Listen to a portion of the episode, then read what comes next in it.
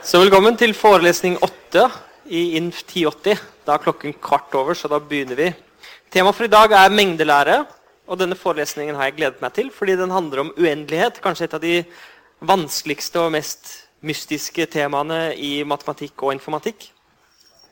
Jeg håper at vi får god tid til å snakke om uendelighet i den andre timen i dag. Den første timen kommer til å bestå av bitte litt repetisjon av der vi slapp. Og så det som står der, litt mer mengdelære. Og så da dette temaet om uendelighet. Men før jeg begynner, er det noen som har noen spørsmål eller kommentarer eller innspill, så rekk opp en hånd. Ingen i dag? Ok, det er bra. Da begynner vi med en rask repetisjon av eh, dette med funksjoner. Vi skal kjenne til noen begreper om funksjoner, og det er definisjonsområdet og verdiområdet. Det er hva funksjonen går fra, og hva funksjonen går til. Vi skal kunne definisjonen av en funksjon. Vi skal vite at det er en relasjon. En spesiell type relasjon som har en bestemt egenskap. Det er at alt vi tar fra definisjonsområdet, skal sendes til, mappes til, nøyaktig én ting i det som vi kaller verdiområdet. Det er det som karakteriserer en funksjon, og det som skiller funksjoner fra en hvilken som helst relasjon. Det er tre egenskaper vi skal kjenne til ved funksjoner. De kalles injektiv, surjektiv og bijektiv. Og det er kun det at hvis du tar to elementer som er forskjellige i definisjonsområdet, så skal de sendes til to forskjellige ting i verdiområdet. Det er definisjonen av en injektiv. Vi sier også da at den er én til én. Definisjonen av surrektiv er at alt i verdiområdet blir truffet på en eller annen måte. Det betyr for alle y med i verdiområdet så skal det eksistere en x i definisjonsområdet, slik at funksjonen anvendt på x gir deg y. Så alt må bli truffet på en eller annen måte av funksjonen. Og dette her er et bilde av alle funksjoner fra mengden 1, 2, 3 til mengden 1, 2, 3. Vi ser at det er 27 sånne funksjoner. Og vi ser at noen av de skiller seg litt ut. Denne funksjonen her er f.eks. den som sender tallene 1, 2, 3 til eh, det samme tallet. Altså den sender 1 til 1, 2 til 2 og 3 til 3. Denne funksjonen her den sender alt til 1. Hvis vi skal skrive ut hvordan den ser ut, så er det faktisk bare en mengde og Den første pilen, den røde pilen den forteller oss at én sendes til én. Den andre pilen forteller oss at to sendes til én. Og den tredje pilen forteller oss at tre sendes også til én. Så hvis vi skal skrive ut funksjonen som en relasjon, som en mengde av tupler, så blir det seende sånn ut. Og sånn fortsetter det helt ned hit. Og så kan vi karakterisere funksjonene med hensyn på disse relasjonene, eller med tanke på dem. Og da ser vi at noen skiller seg ut. Fordi denne her, for eksempel, den er ikke injektiv. For her blir to elementer, det elementet der og det elementet der, sendt til det samme. Det er ikke greit. Eller det er greit, men da er den ikke injektiv. Dette her, som jeg setter en firkant rundt nå, det er et eksempel på en injektiv funksjon, fordi to forskjellige blir sendt til to forskjellige. Det er det vi snakket om sist. Nå skal vi raskt gå gjennom resten og det handler om operasjoner. Og det handler om høyreordensfunksjoner. Jeg skal bare nevne det veldig raskt. Så en operasjon er igjen en delmengde av alle funksjoner. Det er en spesiell type funksjon. Så en unær operasjon på en mengde A per definisjon er bare en funksjon fra A til A. Så vi bruker bare ordet operasjon når vi ikke går ut av den mengden. Når det ikke er fra en mengde til en annen mengde. Kjenner vi til en unær operasjon? Er det noen som har et eksempel på en sånn? Hva som helst. La oss si på heltall, da. Positive og negative heltall, sånn som minus 2, minus 1, 0, 1, 2 osv. Ja?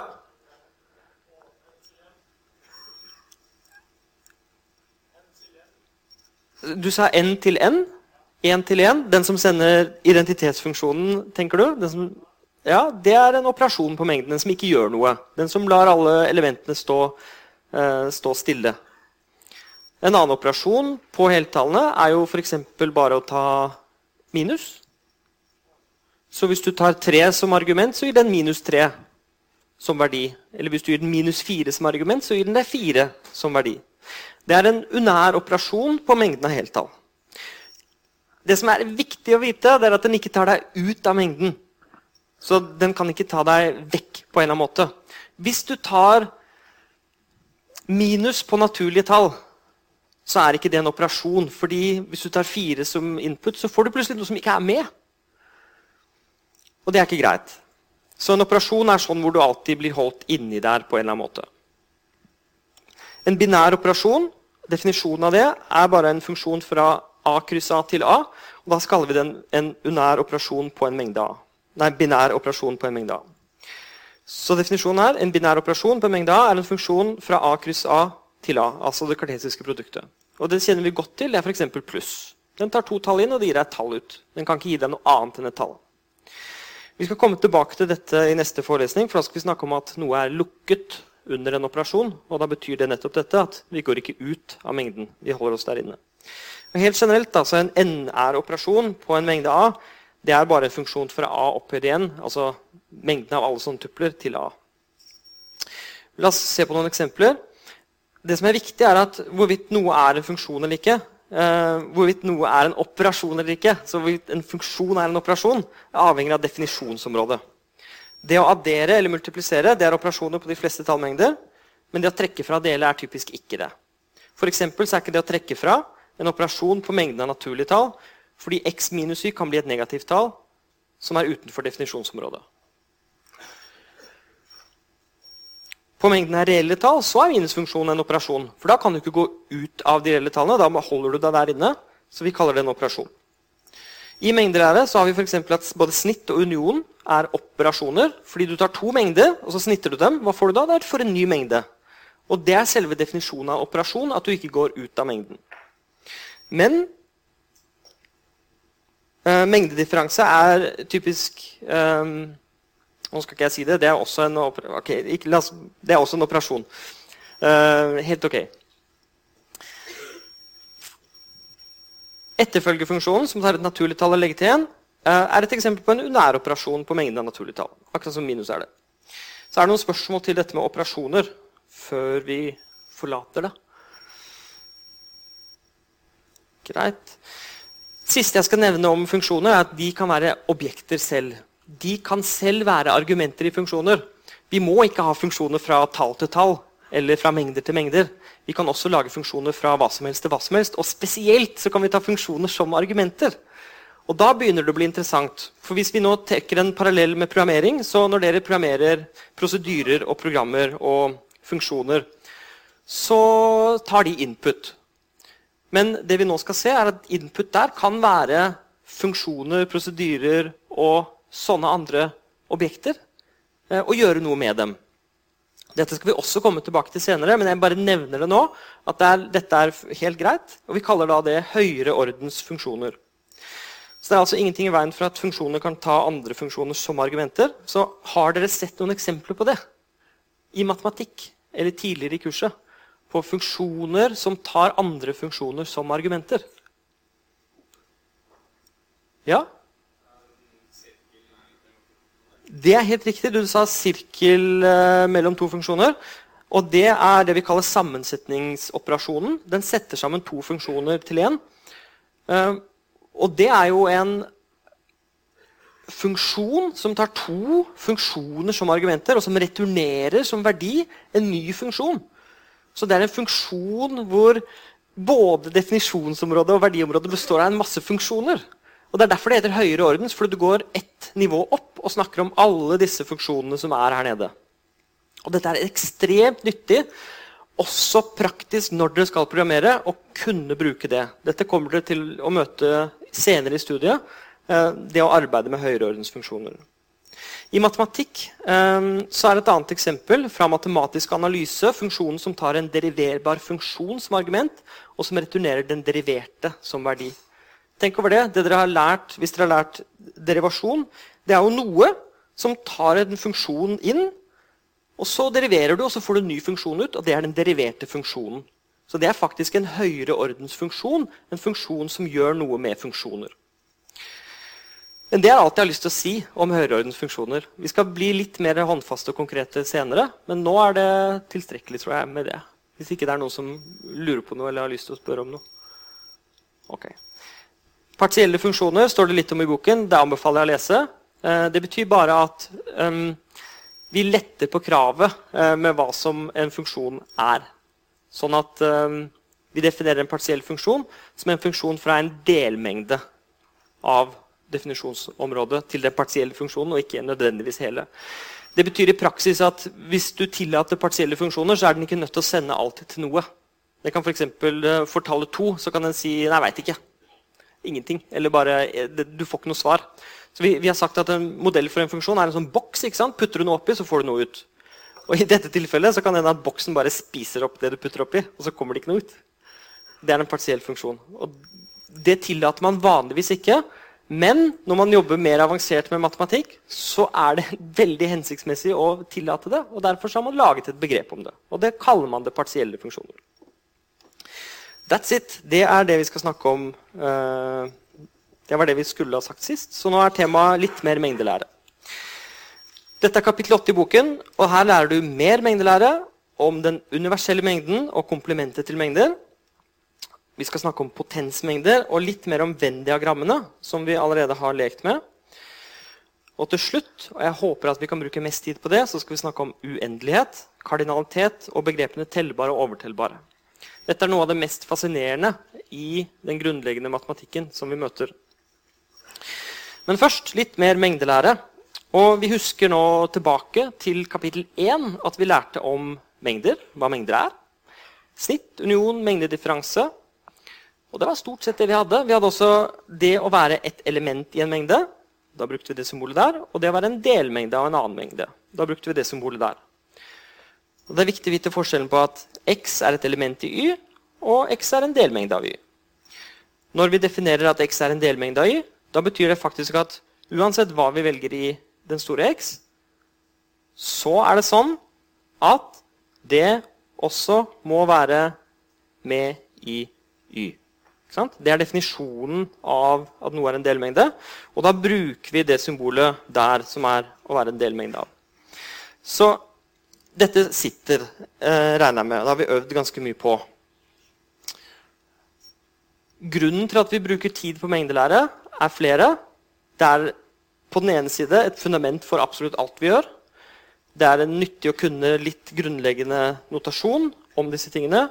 Det er bra trening. Og det popper opp overalt. Det fins mange flere argumenter, og det er en veldig rik historie. Men den virkelig interessante historien begynte for omtrent 100 år siden med en som het Georg Kantor. Det kommer vi til når vi skal snakke om uendelighet. Nå skal vi først jobbe med beina på jorda eh, og snakke om mengdekomplementet og den universelle mengden. Så for å motivere det, la meg stille dere spørsmålet Hva er mengden av elementer som ikke er med i en mengde. Hvis jeg sier her er mengden, den er fin, den består av um, 1, 2 og 3. Hva er mengden av elementene som ikke er med i den? Det er jo umulig å svare på. Altså, Hvis du hadde fått det spørsmålet, hva skulle du sagt da? Fire? Kanskje? Null? Minus to? Sykkelen til bestemor? Er det, hva er det som skal være inni der? Eh, og For å kunne svare på det så er det nyttig å anta at det alltid finnes et eller annet bak. en eller annen kontekst, og Det kaller vi bare en universell mengde. Dette er bare for å redde oss ut av den knipa, at vi, sånn at vi skal kunne svare på det spørsmålet. Så vi definerer det. Vi bare gjør det um, ordentlig nøye og sier at vet du hva, vi antar at i alle kontekster er en underliggende universell mengde, og at U står for den mengden. Og så enda mer, Hvis ingenting annet er spesifisert, så antar vi at U står for en vilkårlig universell mengde. Og dette er en sånn, eh, bare en sånn fallskjerm, en sånn redningsnett, som bare sier eh, vet du hva, Det er kjempefint, du har alltid noe bak der. Og vi kaller det for U. Hvis ingen har sagt noe om det, så bare kaller vi det for U. At Hvis noen spør hva er det som er med i 1, 2, hva er det som ikke er med i mengden som består av tallene 1, 2, 3, det er alt som er i U, som ikke er 1, 2 og 3. Og det er, bare, det er egentlig ikke noe mer komplisert enn det. Og avhengig av hva U er, så får vi et presist svar på det. Så får vi et konkret svar på det. Um, og hva som er den universelle mengden, varierer fra sammenheng til sammenheng. Og det kan vi velge helt fritt. Noen ganger kan det være mengden av naturlige tall. Andre ganger kan det være mengden av utsagnslogiske formler. Det er også helt greit. Alt er greit. I definisjonen av de andre operasjonene på mengder har faktisk ikke den universelle mengden vært nødvendig. Og det er grunnen til at vi ikke nevnte det i første forelesning. For vi har ikke trengt det før nå. Men nå trenger vi det, for nå skal vi snakke om det motsatte av en mengde. og det har vi aldri snakket om før. Fordi når vi for definerte snitt, så tok vi snitt av to mengder. Men da trenger vi ikke å vite U. Fordi da har du en mengde A og du har en mengde B. Fine. De, de inneholder ting, de. Og så tar du det som er felles for dem. Da trenger du ikke alt det utenfor. Og Det er grunnen til at vi ikke har snakket om det før nå. Men nå er vi nødt til å snakke om det, for nå skal vi definere komplementet. Så, og det, Hvis M er en mengde, og U er den universelle mengden som ligger bak og lurer, så er komplementet til M mengden av alle elementer som er med i U, men som ikke er med i M. Det er bare det. Vi bare, vi bare, for å svare på spørsmålet hva er det som er det motsatte av det som er med M, så bare ser vi på alt det andre i U, og det er det. Det greiene der. Og det skriver vi sånn.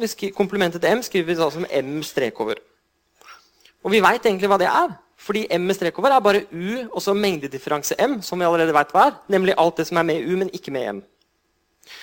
Og alltid når vi skriver M med strek over, altså komplementet til M, så må den universelle mengden være kjent. Eller så må vi anta at det er en eller annen vilkårlig universell mengde. Hvis ikke så er det meningsløst å kalle noe for komplementet. Og igjen så kan vi bruke Venn-diagrammet for å illustrere alt dette. Jeg liker å se på ting visuelt, så Hvis dette er den tomme mengden, hva er komplementet til den tomme mengden? Og Det avhenger av U. ja? Nettopp. Så komplementet her er jo egentlig hele skjermen. Alt det som ikke er inni der. Kanskje hele universet og alle galaksene og alt som fins. Men det som er min måte å redde meg ut av det på, er å tegne en liten firkant eh, rundt de to. Og så stopper jeg der. Hvis ikke så hadde absolutt alt blitt fargelagt. Dere også. Så jeg bare setter den firkanten rundt, så sier jeg der stopper jeg. Og den firkanten skal vi bruke til å symbolisere, eller visualisere, er kanskje et bedre ord, den universelle mengden. Så hvis jeg nå gjør sånn Dette er A. Den andre rundingen der er det som er inni B. Så hva er komplementet til A? Vel, det er alt det som er utafor A. da. Hva er komplementet til B? Ja, det er alt som er utenfor B. Og Nå kan jeg se på A union B, og det som er utenfor der, det er da det bildet der. Så det jeg faktisk gjør, er bare legge en firkant oppå, og så bare flipper jeg fargene. Jeg bare fargelegger det som ikke er fargelagt, og fjerner fargen der det er farge. Og den faktiske fargen her stemmer også. Eh, så den fargen der er den samme som den. Jeg syns det er litt gøy, da. Men, det er, men det, er, det er, en sånn detalj som Hvis man skriver bok, så blir man veldig opptatt av sånne detaljer. Um, hva, er, hva er komplementet til A snittet med B? Vel, det er alt som er utenfor, da. Og så eh, kan vi ta A mengdedifferanse B eller A minus B. Og igjen så er det ikke noe særlig tenkning, eh, fordi vi kan bare sette en firkant rundt. Så kan vi fjerne fargen der, og så kan vi se på hva som blir igjen. Og det som blir igjen, da er det der. Og det vi skal legge merke til nå, er at det er en parallell eh, og en ganske nøyaktig korrespondanse mellom dette og det vi gjør i utsagnslogikk. Nå er det viktig at jeg ikke sier at det er det samme som dette. Jeg sier at det er en veldig fin parallell. Det er noen ting som utvikler seg på samme måte, men som ikke er det samme. men på samme måte. Så se at dette ligner veldig på A eller B. Ser dere det? Fordi det står nesten sånn A eller B her. Men det er ikke en eller-tegn, men det er nesten.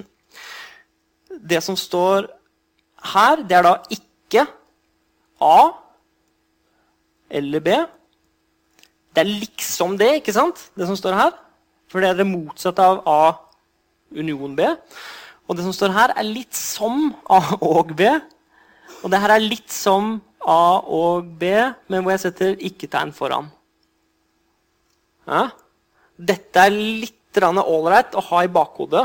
Eh, for det er sånn at det går an å bygge en veldig presis bro mellom absolutt alt du gjør i utsagnslogikk på den ene siden, og absolutt alt du gjør i denne type mengdelære på den andre siden. Det går an å bygge en helt sånn utrolig vakker korrespondanse mellom disse to verdenene. Det er ikke det samme, men vi kan koble dem. Så jeg sier ikke noe mer om det nå, bortsett fra at vi kan koble dem. Jeg kan si litt, da. Bitte litt til. Ehm, det er at Vi har lært å gi en semantikk for denne type formler. ikke sant? A eller B. Hvordan gjør vi det? Vi, vi, sier at den ene er null og den andre er én, og så ser vi hvordan verdiene forplanter seg utover. En annen semantikk det er å bruke mengder. Men det gjør ikke vi. Jeg bare sier at Det er en annen måte å gjøre det på. Det trenger dere ikke å kunne. Jeg vil bare fortelle dere at når syntaksen er gitt, så er det mange måter å gi en semantikk på og mange måter å tolke formlene på. Vi kunne ha gjort det ved hjelp av mengdelære, men da blir det litt mer sånn tricky. Så det skal vi altså ikke gjøre. Det vi skal gjøre nå, er å øve på kompliment. og Dette er ganske enkelt, så nå skal jeg gå ganske raskt gjennom de neste tre-fire sidene. kan tenke meg. Um, mer enn det også, fordi det er ganske enkelt. Så uh, våkne opp og følg med. Hva er komplementet hvis U er mengden av 1, 2, 3, 4, 5, 6? Hva er komplementet til den tomme mengden? Jo, det må være hele U. Alle tallene. Hva er komplementet til mengden som består av 1? Jo, det er alle de andre tallene det da, som ikke er 1. Hva er komplementet til mengden som består av 1 og 2? Det er mengden som består av 3, 4, 5 og 6. Og så videre. Komplementet til mengden som består av 1, 2, 3, er de andre tallene. Og sånn fortsetter det. Hva skjer hvis jeg tar komplementet til hele greia? Da er det ikke mer igjen. Da Da blir det tomt. Hva er komplementet til 1, 3, 5? Vel, det er 2, 4, 6. Og komplementet til 2, 4, 6 er 1, 3, 5. Altså mengden som består av 135. Så det så ut som at hvis jeg tar komplementet to ganger, så kommer jeg tilbake til der jeg begynte. Og sånn er det akkurat her. Hvis du tar det motsatte, og det motsatte en gang til, da er du tilbake der du begynte. Akkurat som å ta negasjon to ganger eller minus to ganger. Så, Vi kan også ta komplementet til uendelige mengder. Så la, la, oss anta nå at U, den universelle mengden, er mengden av naturlige tall. Og det er ganske mange. 0, 1, 2, 3, 4, 5 osv. Komplementet til mengden som består av 0, 1, 2, 3 og 4, er mengden av alle tallene fra og med 5. Det kan vi skrive sånn. Vi kan ta rett og slett komplementet av det. Og fordi vi nå snakker om naturlige tall, så er komplementet alle tallene fra 5 og oppover. Så hvis jeg tar komplementet av en endelig mengde, så får jeg en uendelig mengde. Jeg kan ta komplementet av, uh, til mengden av partall. Da får jeg mengden av oddetall. Og det kan vi skrive sånn. Det er det som altså ikke er med i mengden av partall. Det må være et oddetall. Her tar jeg komplementet til en uendelig mengde og får en uendelig mengde tilbake. Så det er ikke sånn at hvis du tar komplementet til en uendelig mengde, så får du en endelig mengde. Her er begge deler uendelige. så De er komplimenter til hverandre. Men det er litt sånn som å holde hendene oppå hverandre. Så passer fingrene inn i hverandre sånn. Um, det er som partall og oddetall, men det er uendelig mange av dem. Ok. Igjen så er det en parallell til utsagnslogikk som dere skal få med dere. Komplementet til den tomme mengden det er hele greia. Og komplementet til hele greia det er den tomme mengden. På akkurat samme måte så har vi sann og usann i logikk. Hvis du tar negasjonen til usann, så får du sann og vice versa. Her er en annen parallell som er fin. Hvis du tar A, union komplementet til A, hva får du da? Det vil si at du tar A, og så tar du union med alt som ikke er i A. Hva får du da? Du får absolutt alt. Absolutt alt i hele universet. Alt som er i U. Og Parallellen til utsagnslogikk er veldig tydelig. Og det er at A eller ikke A det er faktisk en formel som alltid er sann. Hvis vi nå tolker A som en utsagnslogisk eh, formel. Da er denne formelen her alltid sann. Den er alltid verdien 1. Og det svarer litt til at den der blir alltid hele universet uansett hva A er. Dette er faktisk sånn man ville gitt en semantikk til utsagnslogikk. Men det skal vi ikke gjøre. På samme måte som Hvis du tar A og så tar du snittet med alt som ikke er i A, hva sitter du igjen med da? Så du tar, A, du tar en eller annen mengde A, og så snitter du den med alt som ikke er i A. Så du tar det som er felles for A og ikke A. Det er ikke så mye igjen der da. Det blir faktisk den tomme mengden. Og Parallellen der er at du tar A og ikke A som utsagnslogiske formler, og det blir alltid en kontradiksjon. Det blir alltid noe som er usant.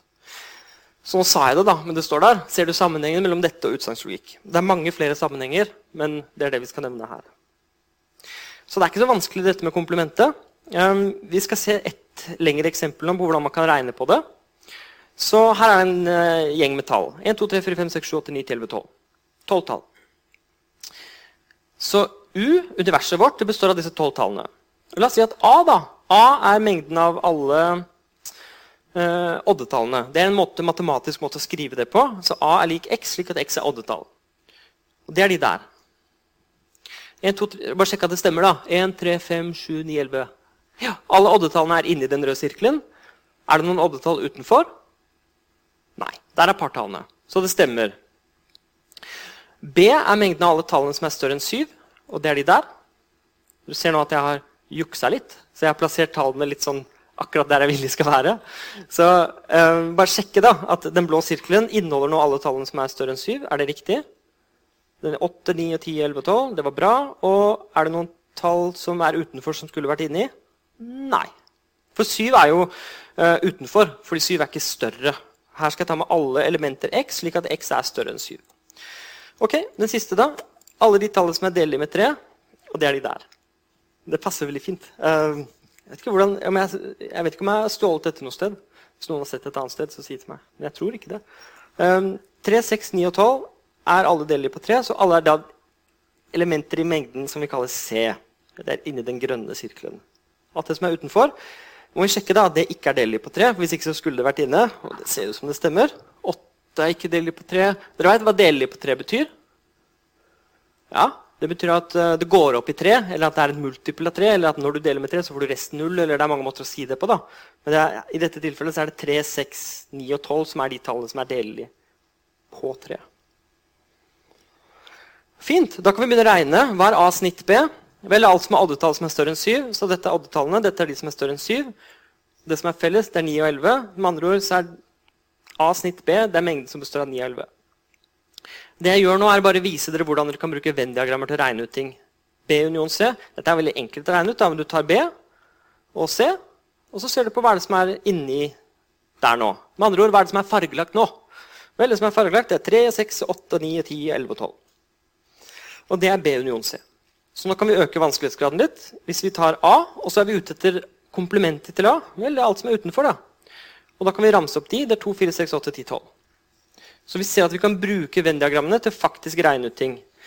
Og det er nå det begynner å bli nyttig. Til nå så har det vært sånn leketøyseksempler. Men her står det et litt mer komplisert uttrykk. Det står A union B komplement snittet med C.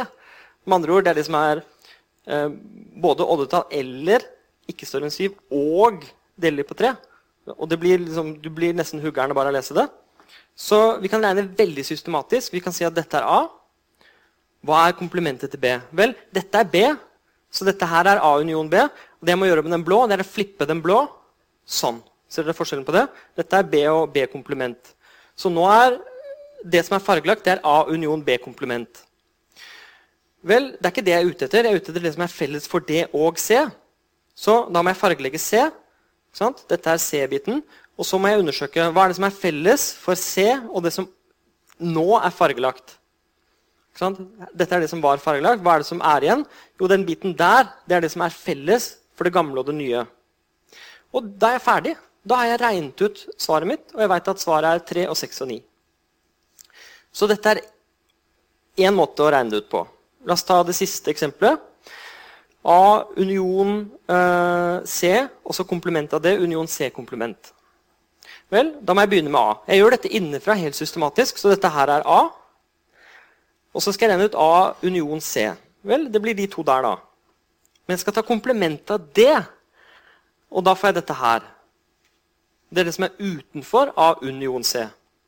Og så står det at jeg skal ta unionen med C-komplement. Fordi det som står der nå, det er den her oppe. Men jeg mangler C-komplement. For å regne ut C-komplement så regner jeg først ut C. Jeg gjør det helt systematisk. Så C er den biten der. Så jeg må også ta med det som er utenfor den, og det er det greiene her. Og det vi ser, da, er at det lille ekstra jeg får med, det er det som er her. Som egentlig ble tatt bort i stad, men som nå legger til igjen. Og da er jeg ferdig, og jeg kan si at svaret er alt det som nå er fargelagt. Og det er 1, 2, 4, 5, 7, 8, 10 og 11. Så dette er et eksempel på hvordan man kan gjøre Venn-diagrammer til noe nyttig for oss. Er det noen spørsmål til det? Første gang Annen gang Tredje gang Ok, fint. Um, vi har sett Venn-diagrammer for uh, to mengder. Egentlig, Vi har sett det for én, og vi har sett det for to og vi har sett det for tre. Hvordan, hvor, og hvorfor funker det? Her har jeg tegnet et Venn-diagram for tre mengder. Og Hvordan ville dere ha definert et Venn-diagram? Hvis noen kom og spurte hva lærte du? Nei, vi har snakket om Venn-diagrammer. Og så spør de hva er det? Hva ville du sagt da? Ja, det er noen rundinger og greier. Men det holder ikke. Så hva er det som karakteriserer et sånt Venn-diagram? Hva er det som gjør det til nyttig? Hvorfor liker vi dem? Er det noen forslag til en, til en definisjon? Eller en egenskap som de bør ha? Du sier det er ganske grafiske, og det er jeg enig i. Det er en visualisering av det som ligger under. Mm. Eh, du sa de er symmetriske, og det er en fin egenskap. Og så er spørsmålet mitt, er det en karakteristisk egenskap. Må de være det? Fordi jeg kan jo f.eks. tegne et Venn-diagram for tre mengder sånn her. Um, og så tegner jeg sånn. Så tegner jeg sånn. Uh, sånn. Man kan godt si at den er symmetrisk, den òg. Uh, I hvert fall om én akse. Er, ikke, nå er, den ikke rotasjonssymmetrisk lenger, men den er symmetrisk om en sånn akse. At jeg ikke tegner noe. Uh, farlig med sånne tegninger. Plutselig så tegner du noe som du ikke skulle ha tegnet. Så, men det var et godt forslag. da. Symmetri. Det skal vi komme tilbake til. Men la meg komme med et par forslag til hva som er en god, god greie. Hver sirkel skal representere en eller annen mengde. Så jeg vil si at Hvis noe er inni den sirkelen her La oss kalle den A. Hvis noe er inni der, så betyr det at X er et element i A.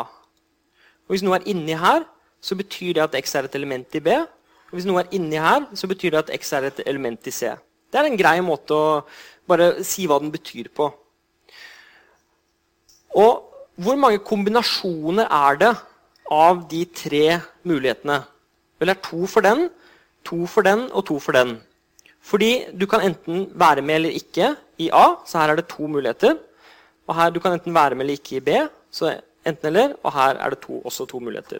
Så kan man si at uh, sann, usann, sann, usann, sann, usann for hver av de. Og så vil jeg si det at uh, det som er inni det området her, oppe i hjørnet her, det er det som er med i A, men ikke de andre. Så da plukker jeg ut på en måte den og 0 og 0. Så da får jeg inni her 1, 0, 0. Det representerer på en måte at ja, det er med i A, det er ikke med i B og ikke med i C. Og her vil jeg på tilsvarende måte ha 0 for å representere at det ikke er med i A. Men det er faktisk med i B, men det er ikke med i C. På tilsvarende måte her nede. Ikke med A, ikke med B, men faktisk med C. Det er en måte å, å begynne å fange inn dette Venn-diagrammet på. Og utenfor så er den ikke med i noe. Inni midten så er den med i alle. Er dere enige i dette? Hva med dette området her? Det er litt sånn fint. Inni der, en liten sånn rakett. Hva er det som er der? Jo, det er det som er med i A og B. Så jeg får enere og ener. Men den er ikke med i C. Så jeg får null. Kjempefint. Og Sånn kan jeg gjøre her også. Den er med i A, ikke med B, men med C. Og her er den med i hmm, om jeg konsentrerer meg, ikke med A, altså B, altså C. Og vi ser at vi, Da får vi alle de åtte kombinasjonene. Alle de åtte mulighetene er representert. Og Grunnen til at jeg fortalte det, er at kanskje det er en god egenskap ved et Venn-diagram at alle mulighetene er representert. Så et godt Venn-diagram skal på en måte representere alt. Alle kombinasjoner av eh, i, skal være representert med minst ett område. Og kanskje vi kan spisse det. Kanskje vi skal si skal være representert med nøyaktig ett område og ikke to forskjellige steder. Og det stemmer for denne. Og jeg overlater til, som en øvelse til dere å tegne Venn-diagrammer som er litt crazy. Hvor man på en måte representerer noe flere steder. Og da må man leke seg litt. Ikke sant? Man må begynne sånn og sånn. Og så skal man spørre seg hva skjer hvis jeg gjør sånn. Og det vi ser da, for eksempel, jeg skal ikke gi hele svar da, at Her oppe har du et område som representerer at noe er med i A. ikke sant? inni her. Men her har du også et område her nede som også er at noe er med i A og ikke noe annet. Ser dere det? Så hvis en god definisjon hadde vært at Det ser nesten ut som to planeter eller et eller annet. Men ok um, En god definisjon ville sagt at okay, du skal kun ha ett sånt område. Det er et godt Venn-diagram hvis det kun er ett område. Så Sånn kan vi holde på å definere uh, og snakke om Venn-diagrammer. Så er spørsmålet må det være sirkler. Nei. Um, det må faktisk ikke være det. Og nå kommer grunnen til det. La oss si at vi skal prøve å lage Venn-diagram for fire mengder. Hvorfor? Ja, det er nyttig, og vi ønsker å vite om lar dette seg generalisere. Det første forslaget er på en måte dette. da. Dette er en måte å tegne fire sirkler oppå hverandre på. Og er veldig symmetrisk, ikke sant? akkurat som du foreslo. For denne kan jeg rotere rundt, og den ser helt lik ut hvis jeg roterer den 90 grader. Sånn, så er den lik seg selv. Så det jeg spør, er dette et godt Venn-diagram? Eller er det ikke det? Det er flere av dere som sier nei, og så lurer jeg på hvorfor er det ikke det. Det du sa, var at den viser ikke alle muligheter, og det er helt riktig. Det er 16 muligheter når du har fire mengder. Hvis denne heter A, og denne heter B, og denne heter C, og denne heter D, så er det faktisk sånn at det er en kombinasjon um, av å være medlem i, eller element i disse fire, som ikke er representert som noe som helst område. Mm, spørsmålet er nå om jeg skal løse det for dere, eller om jeg skal overlate det eh, til dere som en oppgave. For det er egentlig ganske ålreit å ta den, gjøre det selv. Eh, men, men, men, dette er ikke et godt Venn-diagram, fordi det er to områder som ikke er eh, Eller det er to kombinasjoner som ikke er representert. Man kan resonnere også, fordi man kan si at det er to muligheter for hver av disse. Enten med eller ikke med. Og det, betyr at det blir to ganger to ganger to ganger to muligheter totalt, og det er 16. Så teller vi antall områder. Det er ett område utenfor, og så er det fire her. Da er vi oppe i fem, og så er det fire her. Da er vi oppe i ni. Så er det fire her. Oppe i 13, og en der, og oppe i 14. Så vi ser at det var 14 forskjellige områder. Det må være med andre ord, to områder som mangler. Så dette er ikke en god måte å gjøre det på. Men jeg overlater til dere å, argumentere for at det er to eh, selv, for å finne ut av det. Dette er en måte å lage et, et ordentlig Venn-diagram for fire mengder på. Og da må vi bruke ellipser og andre typer eh, bilder. Nå skal jeg ikke snakke mer om Venn-diagrammer, selv om det er interessant. Eh, man kan også lage et Venn-diagram for fem mengder, og da ser det sånn ut. Dette ble funnet først på 80-tallet. Jeg er nødt til å si litt til, fordi dette er ganske interessant. Og jeg, siden du sa det med symmetri, så kan jeg si det.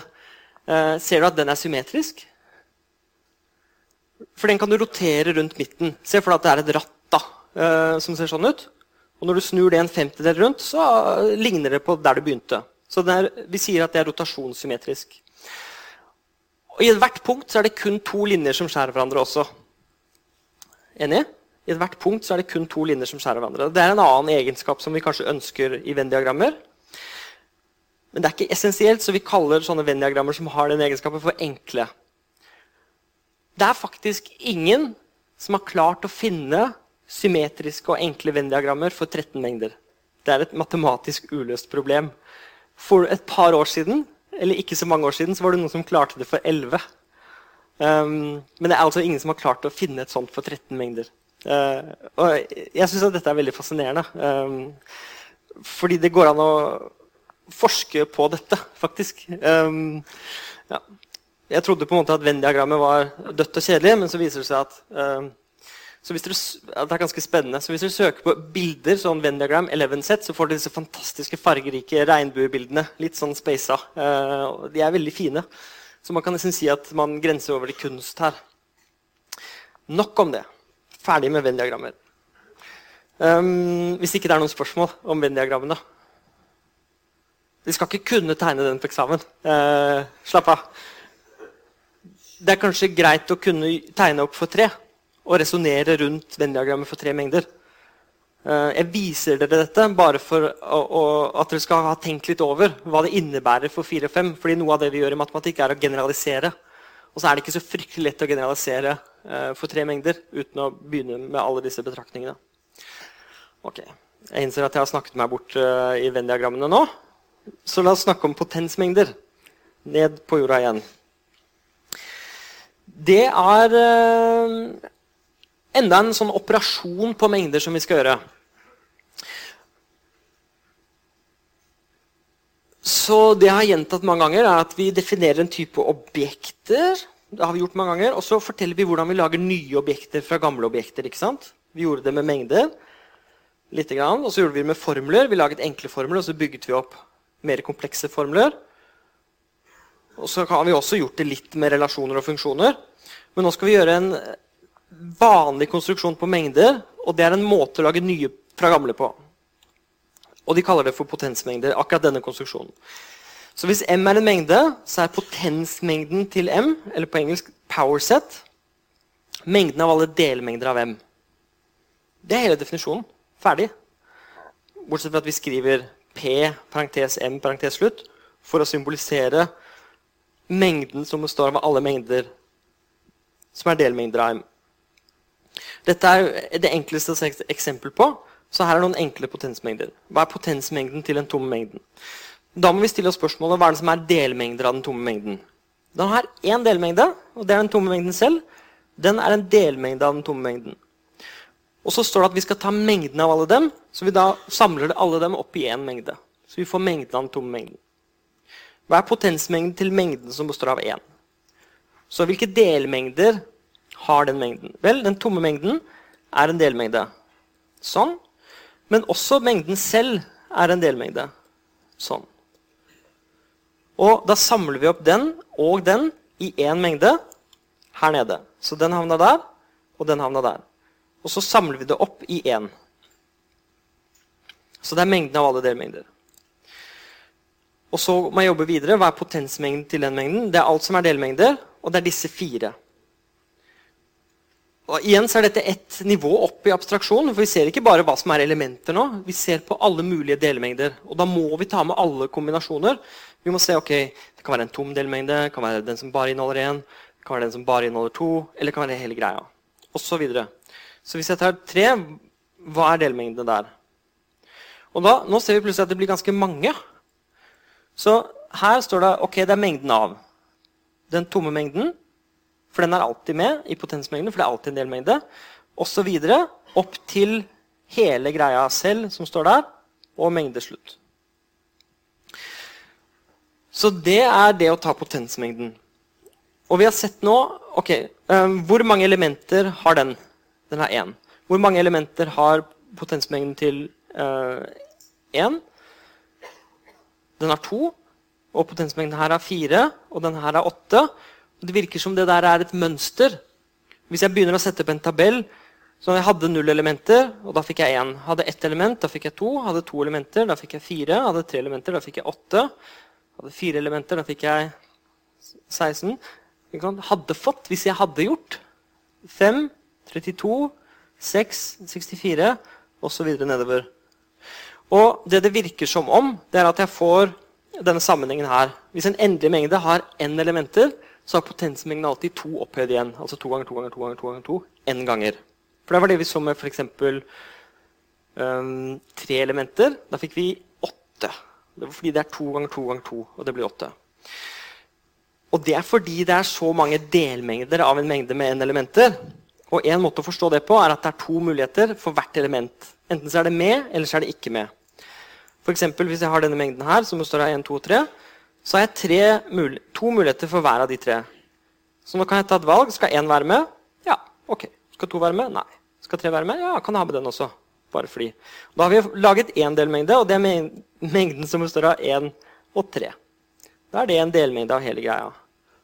Så jeg må ta det der valget, med eller ikke med, for hver av de, og da får jeg potensmengden. Men og nå kommer overgangen til neste time. Det er at potensmengder er også definert for uendelige mengder. Så det jeg skal avslutte med nå, er jo da spørsmålet Hvis du tar de naturlige tallene, som er den enkleste uendelige mengden på mange måter De naturlige tallene. Hva er potensmengden til den? Ok, Da må vi brette opp armene og begynne. Det er alle delmengder av naturlige tall. Mm. Så hva er det som skal være med i potensmengden? Den tomme mengden er en delmengde, så den må være med. Hele greia må være med. Det er liksom en helt andre spektre. Den må være med. Det er en delmengde av de naturlige tallene. Ok, Mengden av partall den må være med. Det er et element i potensmengden. Mengden av 1, 2, 3 må være med. Bare de tre tallene må være med. Mengden av 2, 4, 6, 8 må være med. Mengden av oddetallene må være med. Mengden av primtallene må være med. Ikke sant? Så alle mulige delmengder må være med. Og Det vi skal undersøke etterpå, eh, det er hva er det egentlig som skjer når vi gjør det, og blir ikke den veldig uendelig. Med det så må vi ha en pause på 15 minutter og trekke frisk luft. Sånn. Da er vi tilbake eh, live. Ikke for de som hører på, men her eh, i Inf 1080. Det lønner seg å komme på forelesning. Det gjør det, ikke sant? Dere er enig i det, dere som er her? Dere kan hilse til de som ikke kommer. Ja, jeg, jeg, vil anbefale dere å komme på forelesningene. Um, så screencast-tingen er et ekstratilbud, uh, og sikkert fint hvis man mister en forelesning. Nå er vi altså fremme ved kapitlet om uendelighet, eller delen som handler om uendelighet. Og Grunnen til at vi snakker om dette nå, er at resten av kurset kommer til å handle på en eller annen måte om uendelige mengder. Så det å få et godt grep om uendelighet nå, og snakke om de tingene som har å gjøre med uendelighet, det er smart. fordi vi kommer altså til å jobbe med uendelige mengder fra nå av. Og vi kommer til å jobbe med dem på en strukturert måte. Um, og vi skal bevise ting om dem og gjøre ting med dem. og og en del sånne ting. Og dette er det teoretiske fundamentet som dere trenger videre. Noe av dette er ekstremt abstrakt, da. Um, men det er til gjengjeld veldig interessant og dypt. Og uendelighetens historie uh, er på en måte full av uh, galskap, død og uh, veldig intense episoder i menneskets historie. Altså, folk har dødd pga. dette her. Um, fordi de mente noe om dette. Folk har blitt utstøtt, folk har blitt gale uh, fordi de har tenkt for hardt på dette, kanskje. Um, så det er ikke bare bare det vi skal gjøre nå. Så i løpet av 45 minutter så skal vi dekke noen av de mest grunnleggende begrepene innenfor dette. Og Det er jo egentlig ikke et fagfelt, det er bare et fenomen. Men vi skal prøve å snakke om de viktigste begrepene som man bruker når man snakker om uendelighet. Men som en oppvarming så kan vi begynne med dette gamle paradokset fra Zenon rundt 500 år før null, som handler om Akilles og skilpadden. Um, dette er et paradoks, mente Zenon. Så det går ut på følgende Akilles og skilpadden skal løpe om kapp. På motsatt side av skjermen er målet. Og dette symboliserer en eller annen bane som har en eller annen lengde. Akilles Eh, denne unge herremannen nederst løper raskere enn skilpadden, så skilpadden får et forsprang. La oss si dette forspranget her. Og Så begynner de å løpe, begge to. Og nå går argumentet som følger. Når Akilles har kommet frem til der hvor skilpadden begynte, det er her, så har skilpadden kommet et lite stykke lenger. Når Akilles kommer til det punktet, så har skilpadden kommet enda et stykke lenger. Når Akilles kommer til det punktet, så har skilpadden kommet enda lenger. Når Akilles kommer dit, så er fremdeles skilpadden foran. Når Akilles kommer dit, så er, så er skilpadden kommet litt lenger. Og Sånn fortsetter det i det uendelige. Og konklusjonen er at Akilles aldri klarer å ta igjen skilpadden. Zenon konkluderte med at Ergo er bevegelse umulig. Og dette kalles for Zenons paradoks. Dette er her det begynner. Og argumentet er noe sånn som at hvis du tar uendelig mange biter og legger dem sammen, så kan du ikke få noe endelig. Men i dag vet vi litt bedre. For vi kan legge sammen masse små biter vi, og få noe som fremdeles er endelig. Og kanskje Det enkleste eksempelet på at det er mulig, er å ta um, en halv, størrelsen en halv, og så plusser du på en fjerdedel. Og så plusser du på en åttendel, og så plusser du på en sekstendel, så plusser du på en 32-del, og så en 64-del. Og så fortsetter du sånn og plusser på uendelig mange, men de blir mindre og mindre etter hvert. Da får du til sammen én. En hel. Nøyaktig en hel, hvis du fortsetter i det uendelige. I dag så har vi et ganske godt matematisk grep om dette. Og vi ser ikke på dette som noe paradoks. Men allikevel kan det lure nesten hvem som helst til å si at ingen kommer ut av rommet i dag. Fordi for å komme ut av rommet så må du først gå halvveis. Og før du går halvveis, så må du gå halvveis av det igjen. Og før du går, kommer dit, så må du gå halvveis til dit. Og derfor så kommer du ikke av flekken. Og så tenker du Du føler deg litt lurt, og det er derfor vi kaller det for et paradoks. For et paradoks er noe som tilsynelatende er godt fundert, men som virker ikke riktig. Ikke det er noe som er sant, men som ikke er sant. Som har den karakteren. Så la oss nå snakke om uendelighet. Um, vi skal begynne med to tilsvarende paradokser, men som er litt viktigere. Og dette er et perlekjede med svarte og hvite perler. Um, og vi ser at for hver hvit perle så er det to svarte. Og vi må forestille oss at dette er et uendelig langt perlekjede.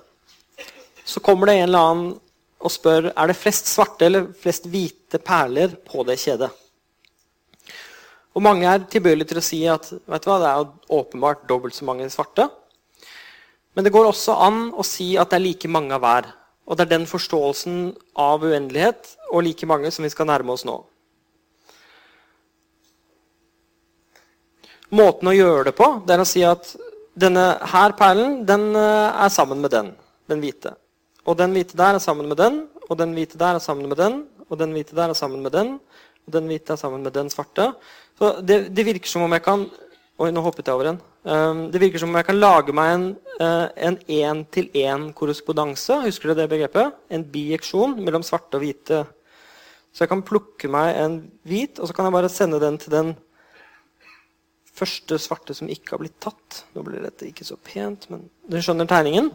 Um, jeg kan bare jeg kan, jeg kan um, kombinere de sånn at svart og hvit forekommer i par. Det er det ene bildet. Og det andre bildet er dette. Og dette tror jeg kalles for Galileos paradoks. Hvis vi har en sirkel Vi vet at en sirkel er en mengde punkter. Og så tegner vi en sirkel utenfor den sirkelen. Det er også en mengde punkter. Og så begynner vi å tenke Hvis vi begynner i midten og trekker en linje fra midten og ut Hva skjer da? Hvis jeg trekker en linje ut sånn, så kan jeg si at for hvert punkt i den indre sirkelen så fins det ett punkt i den ytre. For Jeg begynner jo her, og så sier jeg ja, her er det et punkt, og så trekker jeg linjen ut. Den treffer det den punktet der. Og så kan jeg fortsette sånn. For hvert punkt i den indre sirkelen så får jeg et punkt i den ytre. Så fortsetter jeg sånn. Og får du det bildet her. Eh, selvfølgelig uendelig tett, da, fordi du lager uendelig mange linjer. Og spørsmålet er nå er det flere punkter i den ytre eller den indre sirkelen. Og igjen så føler vi oss litt lurt, fordi vi føler det at eh, det må være flere punkter i den ytre. Fordi det virker som om det er noe som ikke blir truffet i den ytre sirkelen. Fordi du skyter innenfra via den innerste. Og det virker som det skal være litt plass der ute. da. På en eller annen måte Her er det litt plass. Men så er det også sånn at hvis du velger deg et punkt her ute og sier at ok, det ble ikke truffet, så kan du også trekke en linje inn og finne det punktet her som faktisk traff det. Og det er et argument for at denne funksjonen mellom punkter i den ytre og den indre sirkelen er en bijeksjon.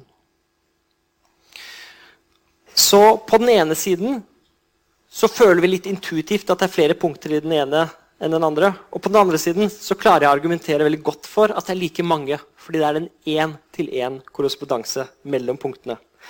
Og igjen så er dette et eksempel som skal lede oss frem til den forståelsen av um, uendelighet at det er like mange av hver fordi det er en én-til-én-korrespondanse mellom elementene. Så La oss snakke om begrepet kardinalitet. For det er det jeg nå har bygget opp mot, og det jeg forsøker å um, motivere. Så dette her begrepet er det vi nå som oftest tenker på når vi snakker om uendelighet i matematikk. Det handler om størrelsen på en mengde og hvor stor en mengde er i forhold til en annen. Og Definisjonen er som følger. To mengder M og N har lik kardinalitet. De er like store, hvis det fins en én-til-én-korrespondanse mellom elementene i M og N. Og det denne definisjonen gjør, er å si at Hvis du klarer å lage en funksjon fra den ene til den andre som er en bieksjon Med andre ord, du kan finne par sånn at alle er i korrespondanse med hverandre. Så bare definerer vi det til å si at da kaller vi de mengdene for mengder med lik kardinalitet. Dette er, dette er, ikke en absolutt sannhet. Dette er en definisjon av hva ordene lik kardinalitet betyr. Så hvis vi klarer å lage en sånn funksjon, ja, da kaller vi det for lik kardinalitet. Det er ikke noe annet enn det. Og vi skriver da dette. Eh, klammetegn M Altså strek m strek er lik strek n strek når det er tilfellet. Så vi bruker disse to tegnene eh, rundt en mengde, og så likhetstegnet, og så på samme måte når det er tilfellet. Nå kan vi også definere at noe har mindre eller lik kardinalitet. Så mengden m har kardinalitet mindre eller lik n hvis det finnes en 1-til-1-korrespondanse mellom m og en delmengde av n. Og Den delmengden kan godt være hele, men det kan også være litt mindre. Så hvis dere har en kjempestor mengde på denne siden, på denne høyre siden, og en litt mindre mengde på denne venstre siden, så hvis jeg klarer å lage en 1-til-1-korrespondanse fra alle elementene over hit, og så treffer jeg ikke hele, det er, liksom, det er mye, mange flere her på høyresiden, så er det en eh, da har jeg en, som det står der, en 1 korrespondanse mellom mengden og en delmengde. Og da sier vi at den første mengden har kardinalitet mindre eller lik. Og Det er igjen bare en definisjon. Og nå bruker vi dette ordet kardinalitet for å si noe om størrelsen på mengder. Fordi nå har vi kraft til å si at to mengder er like store. I den forstand at de har lik kardinalitet. Som bare betyr at det er en 1-til-1-korrespondanse. Så Vi har bare nå definert et likhetsbegrep som er ekstremt nyttig for mengder. Og det hadde man ikke alltid. Dette er ganske, en ganske ny utvikling i menneskehetens historie. Det er omtrent 100 år siden vi fant på dette begrepet om at ok, de er like store. Man finner eh, eksempler på dette begrepet eh, i litteratur, f.eks. hos Galileo. Uh, hvor han på en måte sier at okay, er, de er en én-til-én-korrespondanse. disse punktene i 1900, Så han var på en måte inne på det. Men det var for omtrent 100 år siden ved århundreskiftet, at dette ble, uh, dette ble, gjort ordentlig og formelt. Så skriver vi sånn her uh, når vi har kardinalitet mindre eller lik. Denne definisjonen funker like greit for både endelige og uendelige mengder. Fordi hvis du har to endelige mengder, så sier du at du har en, de har lik kardinalitet hvis det er en 1-til-1-korrespondanse. Det betyr i denne konteksten at de bare har like mange elementer. For Hvis du har tre elementer her og tre elementer der, så kan du lage en 1-til-1-korrespondanse. Hvis du har tre her og fire der, kan du lage en 1-til-1-korrespondanse da? Er det mulig? Vel, det er tre og fire. Og å ha en 1-til-1-korrespondanse betyr at du kan sette de i forhold til hverandre én til én og funksjonen må være på. Og det går ikke. Fordi du, du kan lage en, en, en, um, en, såkalt injeksjon. Du kan sende to forskjellige til to forskjellige. Alle tre går til tre forskjellige, Men det er én stakkar som ikke blir truffet, så funksjonen er ikke på. Så det er ikke en bijeksjon, det er ikke en én-til-én-korrespondanse mellom elementene. Det kan du kun gjøre når det er like mange i hver. Og det denne definisjonen så genialt gjør Det er ikke min definisjon, men det den gjør, det er å si hva det vil si at to mengder er like store når de er uendelige. Og det som er fantastisk, er at den funker også for endelige. Så hvis M er en endelig mengde, så sier vi også at kardinaliteten til M er bare lik antall elementer i M.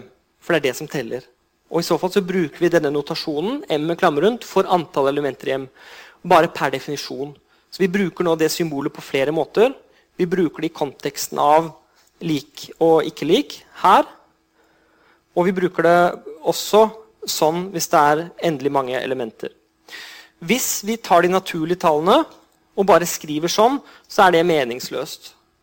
Fordi den er ikke endelig. Men det er fint og gir fint mening å si at ok, det fins en én-til-én-korrespondanse mellom de naturlige tallene og alle de, mengdene, alle de, elementene som er i A. Det er meningsfullt. Og den notasjonen her betyr egentlig bare at ok, det fins en sånn funksjon. Det eksisterer en funksjon som er en én-til-én-korrespondanse mellom elementene i de naturlige tallene og A. Er det noen spørsmål til denne definisjonen? Det er en definisjon av kardinalitet i, via begrepet om én-til-én-korrespondanse. Ja?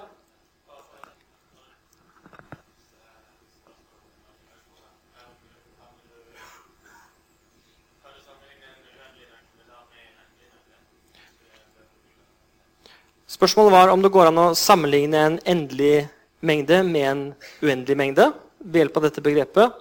Og, og, det går fint. Definisjonen er robust nok til å takle det. Og Det er derfor det ikke er noen kvalifikasjon i definisjonen. For det står ikke to uendelige mengder M og N har lik kardinalitet. Hvis, hvis, hvis.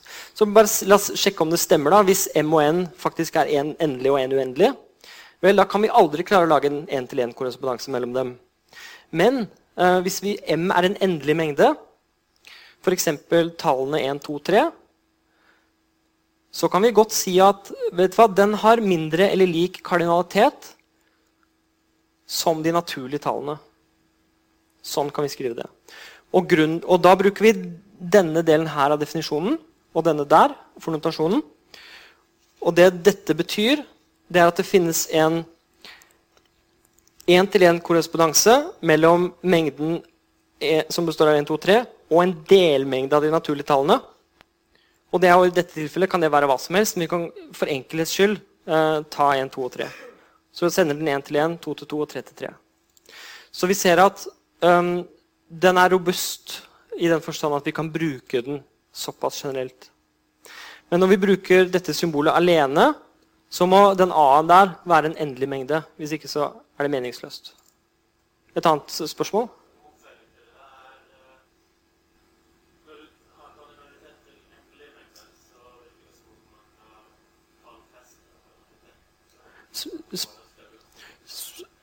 Spørsmålet var når du tar kardinaliteten til endelige mengder, så virker det som om du målfester det eh, og gir et tall for kardinaliteten, og det er helt riktig.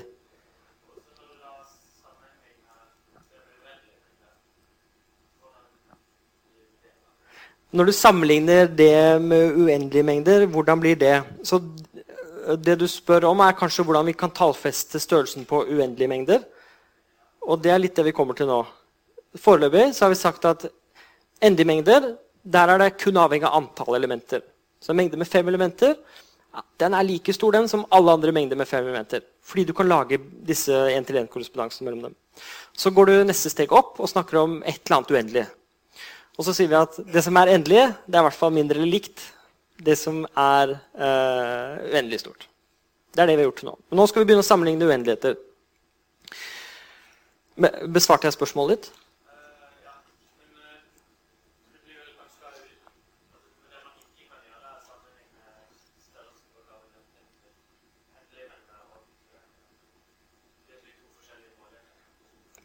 Det du sier, for å repetere det for dere andre, er at det virker som du får eh, to forskjellige måleenheter. En for endelige mengder, som er liksom hvor mange det er bare. Og en for uendelige, som forhold som, som gjelder, hvor du, hvor, du, sammenligner kun med hensyn på beklager språket her, um, funksjonene. og Det er riktig. Men det, du har to verktøy, da, for å si det sånn. Eh, la oss si at du, du har en verktøykasse, og så har du to måleinstrumenter. Og Det enkleste måleinstrumentet det er å telle antall elementer. Og Det kan du bare gjøre for endelige mengder. Du kan si oi, her var det fem. Kjempefint. Og Det er et verktøy som bare funker for endelige mengder. Og så kommer jeg med det verktøyet der. Og bare det måleverktøyet. Og det er i stand til å måle hva som helst. Du kan putte hva som helst i den der, eh, er det en én-til-én-korrespondanselupa og få svar. Så det er en mer generell definisjon, en som funker mer generelt. og Det er derfor den er så bra. Men det er fint med sånne oppklarende spørsmål. Sånn er bildet når det er endelige mengder. For så vidt også når det er uendelige, men, uh, men det er iallfall det enkleste bildet. Og som viser at definisjonen funker for endelige mengder. La oss ta og se på uendelige mengder. Nå kan vi ta mengden av naturlige tall, 0, 1, 2, 3, 4, 5 osv. Vi kan ta mengden av naturlige partall, som er 0, 2, 4, 6, 8, 10 osv. Det kan vi godt kalle for 2n, sånn som det står her. Det er helt greit. Og nå lurer jeg på om de har lik kardinalitet. Og Da sier definisjonen at da må jeg finne en én-til-én-korrespondanse mellom dem. Og det i dette tilfellet er veldig enkelt, fordi 0 og 0 passer sammen. 1 og 2, 2 og 4, 3 og 6, 4 og 8, 5 og 10. Og det vi generaliserer det til, er at hvis det står x her, ja, da står det jammen 2x der. Så funksjonen f av x er lik 2x fra n til 2n gir en 1-til-1-korrespondanse mellom disse to mengdene. Den funksjonen er beviset for at de har lik kardinalitet, fordi den funksjonen er en én-til-én-korrespondanse. Og Da må du bevise det. Da må du bevise at Hvis den tar to forskjellige elementer, så går den til to forskjellige, og alle elementene blir truffet. Med andre ord, Den er både injektiv og surrektiv. Derfor er den en én-til-én-korrespondanse. Det betyr at disse to mengdene har samme kardinalitet. Vi skriver det på denne måten. Og så kan hvem som helst si at ah, det er teit, ass, fordi det er flere naturlige tall. Jeg ser det. Ikke sant? I see it. Det er flere naturlige tall. Og så spør du i hvilken forstand da er det flere naturlige tall. Og så sier du Du ser jo det. Det er jo masse tall i den ene som ikke er i den andre. Ja, men sier du tilbake nå har jeg vist at det fins en én-til-én korrespondanse mellom dem. Så det er pukka nødt til å være like mange. Og da ville jeg i hvert fall gitt opp og sagt ok, du har rett. Eh, men man kan godt holde på det hvis man vil, men da tror jeg det blir litt vanskelig etter hvert. Å holde på den definisjonen eller den forståelsen av at det er jo flere der. Når vi på en så presis måte har klart å argumentere godt for at det er nøyaktig like mange elementer i de to mengdene. Et spørsmål?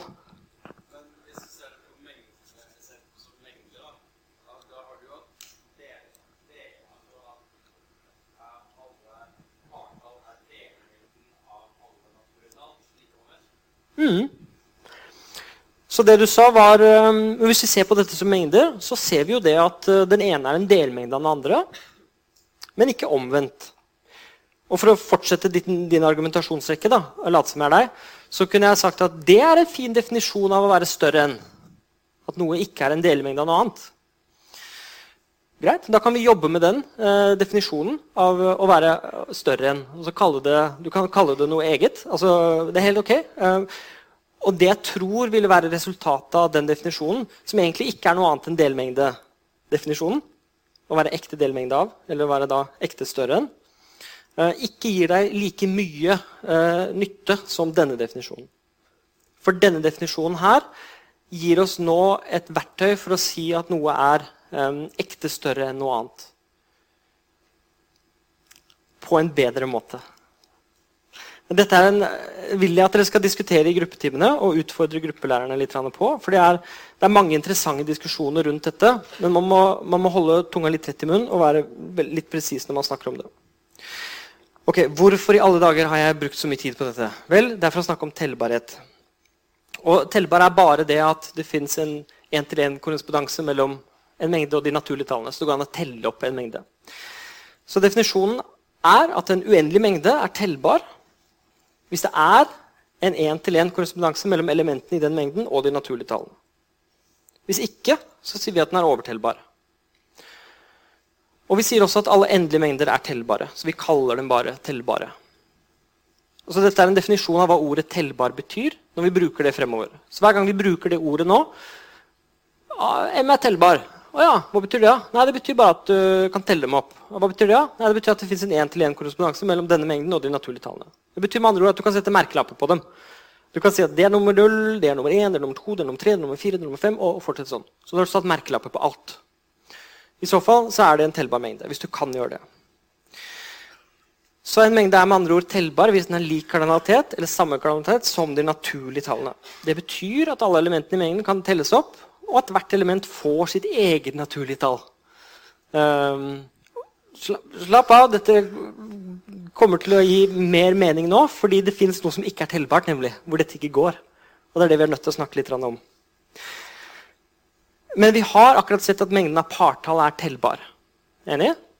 Fordi vi har laget en én-til-én-korrespondanse mellom partallene og de naturlige tallene. Så per definisjon så må partallene være tellbare, for det er det det betyr.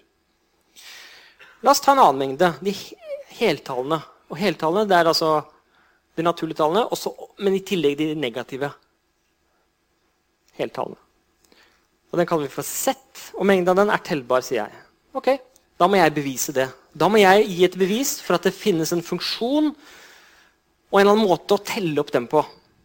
Så jeg er nødt til å lage meg et system for å si at dette er det første heltallet, dette er det andre heltallet, dette er det tredje heltallet osv.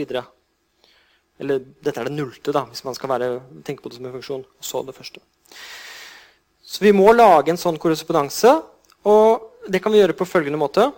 Så nå jeg bare, gjør jeg det bare. Jeg tror Den enkleste måten er å bare se det. Over streken så står alle partallene. Nei. Jo, men i tillegg alle oddtallene. Så over streken står alle de naturlige tallene. Enig? 0, 1, 2, 3, 4, 5. Og under streken så står alle heltallene ramset opp systematisk. Så 0, minus 1, 1, minus 2, 2, minus 3, 3. Og det er, det er, så enkelt som det. Og vi kan bare si at okay, den fortsetter sånn utover her, og den fortsetter sånn utover der. Og på den måten så har du klart å telle opp heltallene. Ok, Hva er det åttende heltallet? Ja, det, det er bare å sjekke tabellen. Fire, står det. Ok, Hva er det 13. heltallet? Det er minus 7, det. Og den kunne jeg gjort på en helt annen måte hvis jeg ville. Jeg skal fortelle en utrolig teit måte å gjøre det på, en, som ikke funker. Altså, da mener jeg teit sånn i den forstand at det, det vil ikke funke. Uh, la oss si at vi lager en annen funksjon. Og så begynner den sånn. Um, 0, minus 1, minus 2, minus 3, minus 4, minus 5, minus 6 osv. Så, så spør jeg um, Og så videre, ikke sant? Um, da har jeg ikke laget en én-til-én-korrespondanse mellom heltall og naturlig tall. For jeg bommer jo på alle de positive tallene. De blir jo ikke truffet, så det er en funksjon som er injektiv. Den er veldig injektiv, for de to forskjellige blir tatt til to forskjellige. Men den er ikke surrektiv. Den er ikke på. Og Derfor er det ikke en én-til-én-korrespondanse. For jeg blir aldri ferdig med de negative tallene. Og, så jeg får liksom aldri begynt på de positive. Og Det er derfor jeg er nødt til å flette det sammen, sånn som jeg har gjort i, uh, i tabellen som jeg begynte med. Jeg fletter de sammen for å nettopp kunne få alle. Så det vi skal gjøre nå, er å snakke om um, ikke disse tallene, men Det uendelige hotellet. Hvor mange av dere har hørt om Det uendelige hotellet eller Hilberts hotell? Jeg ser tre-fire hender, så dere får bare følge med. Være med på showet. Eh, dere andre, velkommen til Det uendelige hotellet. Dette er en måte å forstå tellbarhet på som jeg tror er veldig god. Så det er ikke bare for moro skyld. Det er for å snakke om tellbarhet. La oss si at du har et uh, hotell med uendelig mange rom. 1, 2, 3, 4, 5, 6, 7, 8. Og så til, til uendelig. Det er uendelig mange rom. Og Så kommer det en stakkar og sier har dere rom til meg. Og så sier han som står i hotellet, at sorry, her er det fullt. Det bor noen på rom 1, på rom 2, på rom 3, på rom 4. Det er helt fullt. Det er ikke plass til deg. Ha deg hjem. Og så sier han Han har tatt Inf 1080, han som kommer. Han sier det at uh, det er fint, det der, men uh, jeg har et forslag til hvordan du kan løse dette. Og så sier ah, jeg er åpen for forslag. Så hvordan kan vi gjøre dette? Nei, da tar du og flytter alle ett rom opp. Så han som bor i rom 1, han må bo i rom 2, og hun som bor i rom 2, må bo i rom 3, osv. De som bor i rom 3, må flytte til rom 4. Så på den måten sier han, så blir det ett rom ledig helt i begynnelsen. Så hvis alle bare flytter seg ett hakk frem, så alle som bor i rom X, må flytte til rom X pluss 1. Da Da er det plass til meg, sier han. Da kan jeg bo i rom, rom 1, det første rommet. Ok, ja, det hørtes bra ut, sier han da. Da gjør vi det sånn. Og så ringer han og så sier han, nå må alle flytte uh, på en gang samtidig. Hup, så gjør de det. Ok. En uke senere så um, er det mange utenfor døren. Og Igjen så er det fullt. Og det er faktisk sånn at Hvis det står ti stykker utenfor døren og sier 'vi vil inn', vi vil inn, så er det bare å gjøre det samme trikset, for du bare flytter alle ti opp. ikke sant? Så er det plass på de ti første rommene. Men nå er det uendelig mange utenfor døren. Det har kommet en buss, uendelig lang buss, med uendelig mange mennesker, og de vil inn. Og de sier 'vi må ha plass'. Det må være plass til oss. Å nei, dette går ikke, sier han som står der. Det er helt umulig. Ha dere hjem. Uh, Altfor mange. Jeg kan gjøre dette med 10 og med 100 og med 1000, for jeg kan trikse. Men uh, dette her går ikke. Og så sier da den som står først i køen, at men du kan jo bare flytte alle til romnummer som er dobbelt så stort. Så alle som bor i rom 2, eller alle, alle som bor i rom 1, skal flyttes til rom 2, og de som bor i rom 2, skal flyttes til rom 4. Eh, og de som bor i rom 3, skal flyttes til rom 6, og de som bor i rom 4, skal flyttes til rom 8, osv. Eh, ja, det var smart. Vi bare tester det. Vi bare ber alle gjøre det. Og plutselig så ser det sånn ut. Nå har én flyttet seg til to, to til fire, tre til seks osv. Og, så og plutselig så har du uendelig mange plasser. Det er uendelig mange ledige rom. Og Da er det bare å måke den bussen inn. da. Vær så god, her kan dere bo. Det er faktisk plass. Og det som er litt rart med det uendelige, er at um, det er plass. Det er faktisk uendelig mye plass i dette hotellet. Og Grunnen til at dette funker, er at det står tellbart mange ute og venter på tur. Og det er tellbart mange rom. Og nå kommer utfordringen en uke senere. Igjen er det fullt, men nå er det uendelig mange busser ved siden av hverandre. og hver buss har uendelig mange passasjerer som vil inn. Så på en eller annen måte så har du uendelig mange uendeligheter. Ser dere det? Det er uendelig mange busser linet opp, og der, hver av de har uendelig mange passasjerer. Og han som står i døra, får helt sånn uh, hvordan, Hjelp, liksom. Og så har han første i køen. Dette, dette har en idé, idé. Og den ideen fordi situasjonen er jo denne. Hvis vi ser på alle disse bussene og alle disse menneskene, så er, kan vi godt si at bussene det er de som står bortover nå. Um, og, um, um, så hver kolonne representerer én buss. Så liksom buss 1, buss 2, buss 3 osv. Og, så og i buss 3 så er alle dette her, det er de uendelig mange menneskene som er i den bussen. Ikke sant? Og buss 4, buss 5, buss 6 og, Men den, det er litt sånn ekkelt, fordi den fortsetter uendelig den veien og den veien.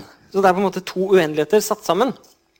Og trikset nå eh, det er å sørge for at alle blir plassert på hvert sitt rom.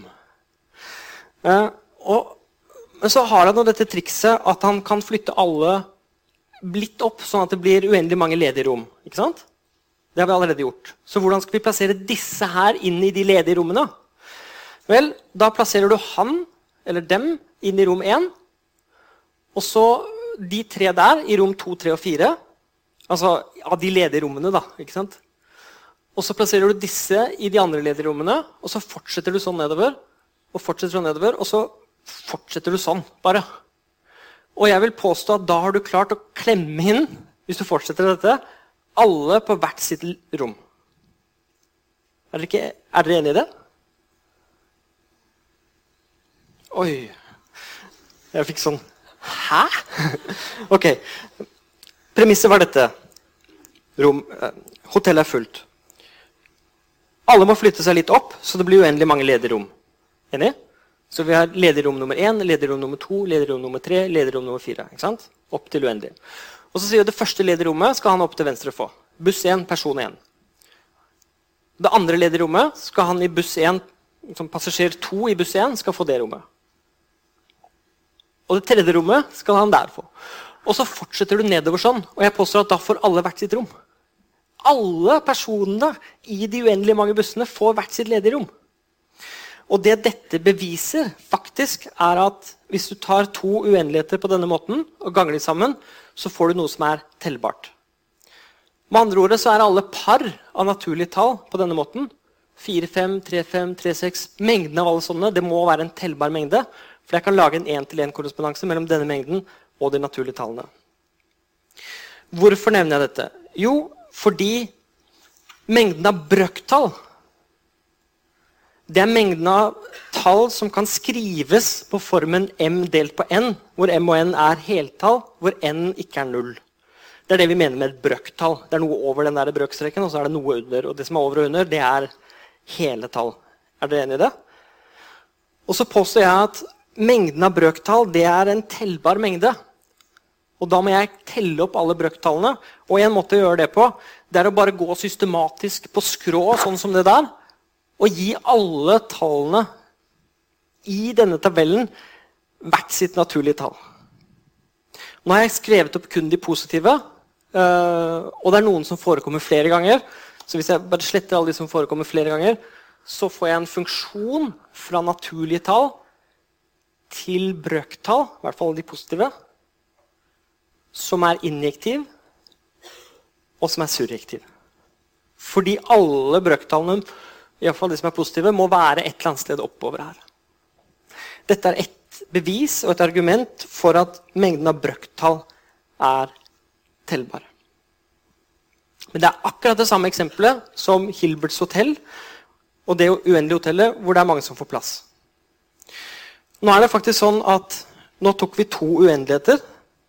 En over brøkstrekene og en under. Eller sagt på en annen måte, uendelig mange busser med uendelig mange mennesker. Det er to dimensjoner vi kan også gjøre det i tre, og fire, og fem og seks og uendelig mange dimensjoner. Så da kan du ha uendelig mange uendeligheter istedenfor bare én uendelighet. Og, du kan fortsette sånn og jobbe deg opp og jobbe deg opp og jobbe deg opp, og fremdeles ha tellbarhet. Men på ett sted så skjer det noe.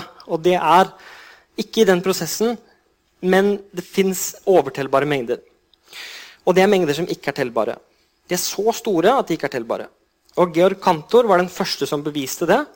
Han fikk så mye motstand han, når han klarte å bevise at det fins noe som er mer uendelig enn noe annet, at han ble utstøtt av det matematiske samfunnet og hadde dessverre et ganske ulykkelig liv pga. det. Han er også den som sa at matematikk er frihet. Det må være lov å tenke på disse tingene. Det må være lov å anta det. Um, men han var altså i den uheldige situasjonen at samtiden hans ikke var klare for det i det hele tatt. I en artikkel i 1874 så ga han et bevis for at mengdene er reelle tall. Det er denne tallinjen som vi kjenner. Dette kontinuumet. Ikke hadde samme kardinalitet som de naturlige tallene. Det vil si, med andre ord at mengden av reelle tall ikke var tellbar. Generelt er det sånn at potensmengden til en mengde alltid har større kardinalitet enn mengden selv. Det gjelder i hvert fall for de endelige mengdene. for Hvis du tar en endelig mengde med tre elementer og tar potensmengden til den, så får du en mengde med flere elementer. I dette tilfellet åtte elementer. Fire elementer, da får du 16. Men det gjelder også for uendelige mengder. Potensmengder er også definert for uendelige mengder. Og vi kan bevise at hvis du tar en uendelig mengde, og så tar du potensmengden til den, så får du noe som er ekte større. Noe som har ekte større kardinalitet. Nemlig at det ikke fins en én-til-én-korrespondanse mellom det du begynte med, og det du fikk. Så å ta en potensmengde, dvs. Si mengden av alle delmengder av en mengde, gjør at du kommer opp et nivå i uendelighet. Så hvis du begynner med de naturlige tallene, og så tar du mengden av alle delmengder av naturlige tall, da får du en mengde som er så stor at den ikke er tellbar. Det går ikke an å sette merkelapper og tall på alle elementene i den mengden. Og går heller ikke an å sette merkelapper og tall på alle de reelle tallene. Det går ikke an å telle opp de reelle tallene. Det var ett spørsmål før jeg går videre. Spørsmålet var kan ikke reelle tall uttrykkes som brøktall. Eh, ikke direkte, men ethvert reelt tall kan uttrykkes som en følge, en uendelig sekvens av brøktall. Men ikke ett. Så det fins reelle tall. Og det var det her Kantor kom i trøbbel, fordi han sa at det fins irrasjonale tall, tall som ikke er brøktall. Vi vet i dag at pi og e og alle disse kvadratrotene av to og sånn, det er tall som ikke er brøktall. Kvadratroten av to kan ikke uttrykkes som en brøk. Men han fikk lide for det. Jeg, jeg syns det er ganske vondt å tenke på, ganske absurd. At han, han, tenkte seg frem til at wow, det må jo finnes dette fantastiske universet av tall som ikke er naturlige, og som er i flere um, kategorier av uendelighet. Men, men, det var altså ikke noe aksept for det. Dette her er et av de vanskeligste og dypeste problemene i matematikk på flere måter. Den ene måten er at vi faktisk tar et begrep som uendelighet, og så prøver å representere det og snakke om det på en fornuftig måte ved hjelp av matematisk notasjon. Det er ganske magisk i seg selv. Det andre er at denne tallinjen kaller vi gjerne et kontinuum. For det er så utrolig tett med punkter. den reelle tallinjen. Og det å spørre om hva er kardinaliteten til den, det er et veldig vanskelig spørsmål. Spørsmålet er om det er den minste kardinaliteten som er større enn de naturlige eller ikke. Og Det spørsmålet har man debattert lenge. Og det er mange som mener at det er et meningsløst spørsmål. Og Det å spørre om hva som er det neste, det er bare, det er bare tull. Fordi er, vi er inne i en sånn sfære av uendeligheter hvor det ikke gir mening. Det kalles for kontinuumshypotesen. At mengden av reelle tall, eller potensmengden til de naturlige tallene, er den første kardinaliteten som, som, du kommer til når du går opp i hierarkiet. Det er mye mer å si om det, og det meste av det går utover dette kurset. Men det jeg vil gjøre, eh, det er å bevise for dere at det finnes overtellbarhet. Og det er en metode som er helt hinsides bra eh, for å gjøre det. Og det kalles for diagonalisering. Og Grunnen til at jeg tar det med i forelesningen, er at er, prinsippet bak her er så kraftig Og det er så nyttig å ha sett det, og derfor er det med. Og så kan man gjøre ganske flotte ting med det. Og, så La oss nå se på mengden av alle uendelige sekvenser på denne formen. B0, B1, B2, B3, hvor hver sånn B enten er 0 eller 1. Nå skal jeg lage en sånn sekvens. 0, 0, 1, 0, 1, 0, 0, 0, 1, 0, 1, 0, og videre. Det var én, og den fortsetter i det uendelige. Ja? Og så en annen en, det er bare null. Sånn. En annen en er bare én. Og jeg får veldig mange sånne um, sekvenser. Men hver sekvens skal da ha uendelig mange forekomster av 0 og 1. Vi kan godt tenke på det som en funksjon fra naturlig tall til 0 og 1. Fordi man sier det første det er, eller nullte da, det er 0. Og det første det er 1, og den andre det er 2, den tredje det er 3. Så det er en funksjon fra naturlig tall til 0 og 1. Så egentlig så teller vi opp antall sånne funksjoner nå, eller samler opp alle sånne funksjoner i en mengde. Men det er mye lettere å tenke på det som bare en mengde av sekvenser. Så, okay. så vi har laget en mengde nå. Det er en litt syk mengde, men det er greit. Og hvert element i den mengden det er en uendelig sånn sekvens. Er dere med? Ok, Jeg lager meg en mengde, og så sier jeg at oppi den mengden så er hvert element det er en sånn sekvens. Og så skal jeg se på den mengden. Påstanden min er at den ikke er tellbar. Vi skal nå bevise at mengden av alle disse sekvensene den mengden jeg har laget meg, den er faktisk overtellbar. Og det er et motsigelsesbevis, fordi antar for motsigelse at det faktisk finnes en måte å telle opp alle disse på. Sånn, jeg kan telle dem opp. Dette er den nullte sekvensen. Og dette er den første sekvensen. Nå skal jeg vise hvordan det gir en motsigelse. Fordi den antakelsen gir meg en, alle disse sekvensene skrevet opp. ikke sant? fordi det er gjort nå, da, det er bare å ramse opp alle sekvensene. Den nullte sekvensen står øverst. Den første sekvensen står på linjen under. Og hver linje, hver rad i denne tabellen, er da eh, en eller annen sånn sekvens. Og så påstår jeg at nå har jeg klart å telle opp alle. Dette her er listen over alle. Det er antakelsen min, som jeg nå skal vise gir en motsetning. Måten å lage en motsetning på er å si at ok, se på diagonalen. Og så er du litt smart. Du lager deg en ny sekvens, sekvens X, som er forskjellig fra sekvens 0 i første posisjon. Og så er den forskjellig fra sekvens 0 i andre posisjon. Ser dere Nå at hvis, nå står det 0 der, så står det 1 der nede. Og nå står det en 1 der oppe. Da må det være 0 der nede. 0 der oppe, 1 der nede. 0 der oppe, 1 der nede. Og så lager jeg meg en ny sekvens og så sier jeg at vet du hva, den kan jo ikke være i eh, tabellen. Ergo er ikke funksjonen jeg har laget meg, surrektiv. Men hadde, det var det jeg antok. Og dermed har vi en motsigelse. Og det dette beviser, er at mengden av sånne sekvenser er en overtellbar mengde. Da har dere noe å tygge på til torsdag. Ha det bra.